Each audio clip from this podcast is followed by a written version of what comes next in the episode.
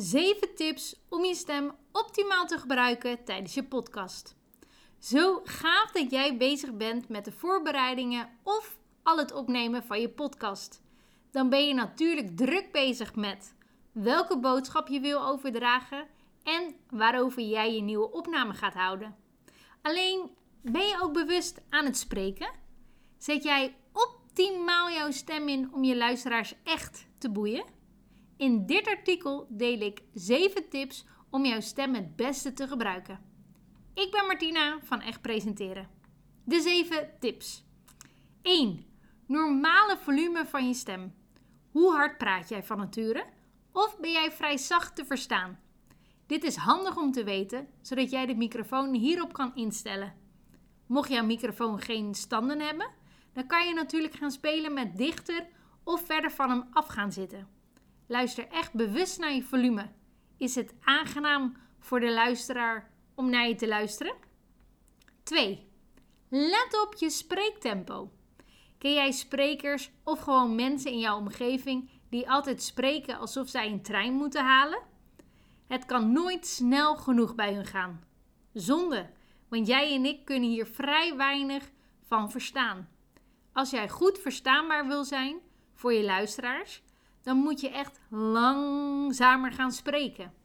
Probeer vooral elk woord, woord voor woord, uit te spreken. De derde tip: denk in komma's. Het is ook goed om af en toe even een korte pauze in te lassen.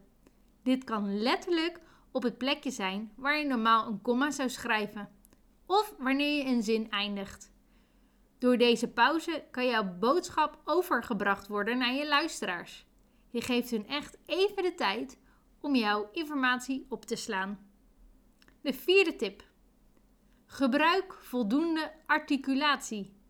Spreek jij van nature binnensmonds? Of heb jij een zwaar accent die ervoor zorgt dat jouw articulatie niet goed is? Dan kunnen de luisteraars hier zich aan gaan storen. Zij moeten namelijk meer moeite doen om jouw waardevolle informatie te begrijpen en te onthouden. Probeer echt elk woord volledig uit te spreken. Denk vooral aan de laatste lettergreep die we stiekem kunnen inslikken. De vijfde tip alweer. Zorg dat je ademhaling laag is. Ken je dat gevoel dat je je hart voelt kloppen in je keel? Je komt moeilijk uit je woorden nog sterker, je struikelt echt over je woorden. Zonde, want dit hoeft helemaal niet. De gouden tip is namelijk dat je ademhaling in je buik moet zitten en niet in je borstkast. Ga altijd voor je uitzending eerst een paar keer diep in en uit ademen. 6. Je accent. Heb jij van nature een accent? Dan weet je waarschijnlijk ook dat dit te horen is bij de luisteraar.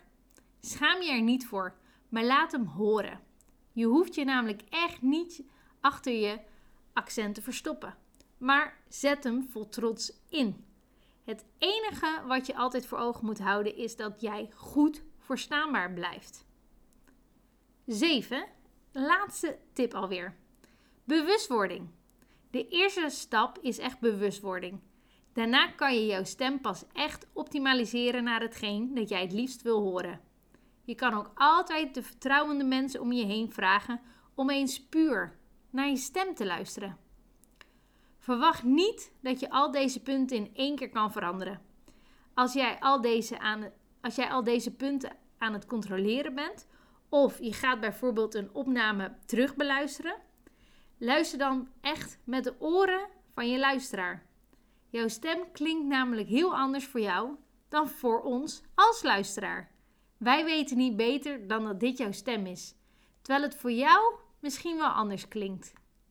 Succes met het optimaliseren van jouw stem, want ook jij kan jouw stem prettiger laten klinken voor de luisteraar. Je moet er alleen echt aan werken. Train jouw stem.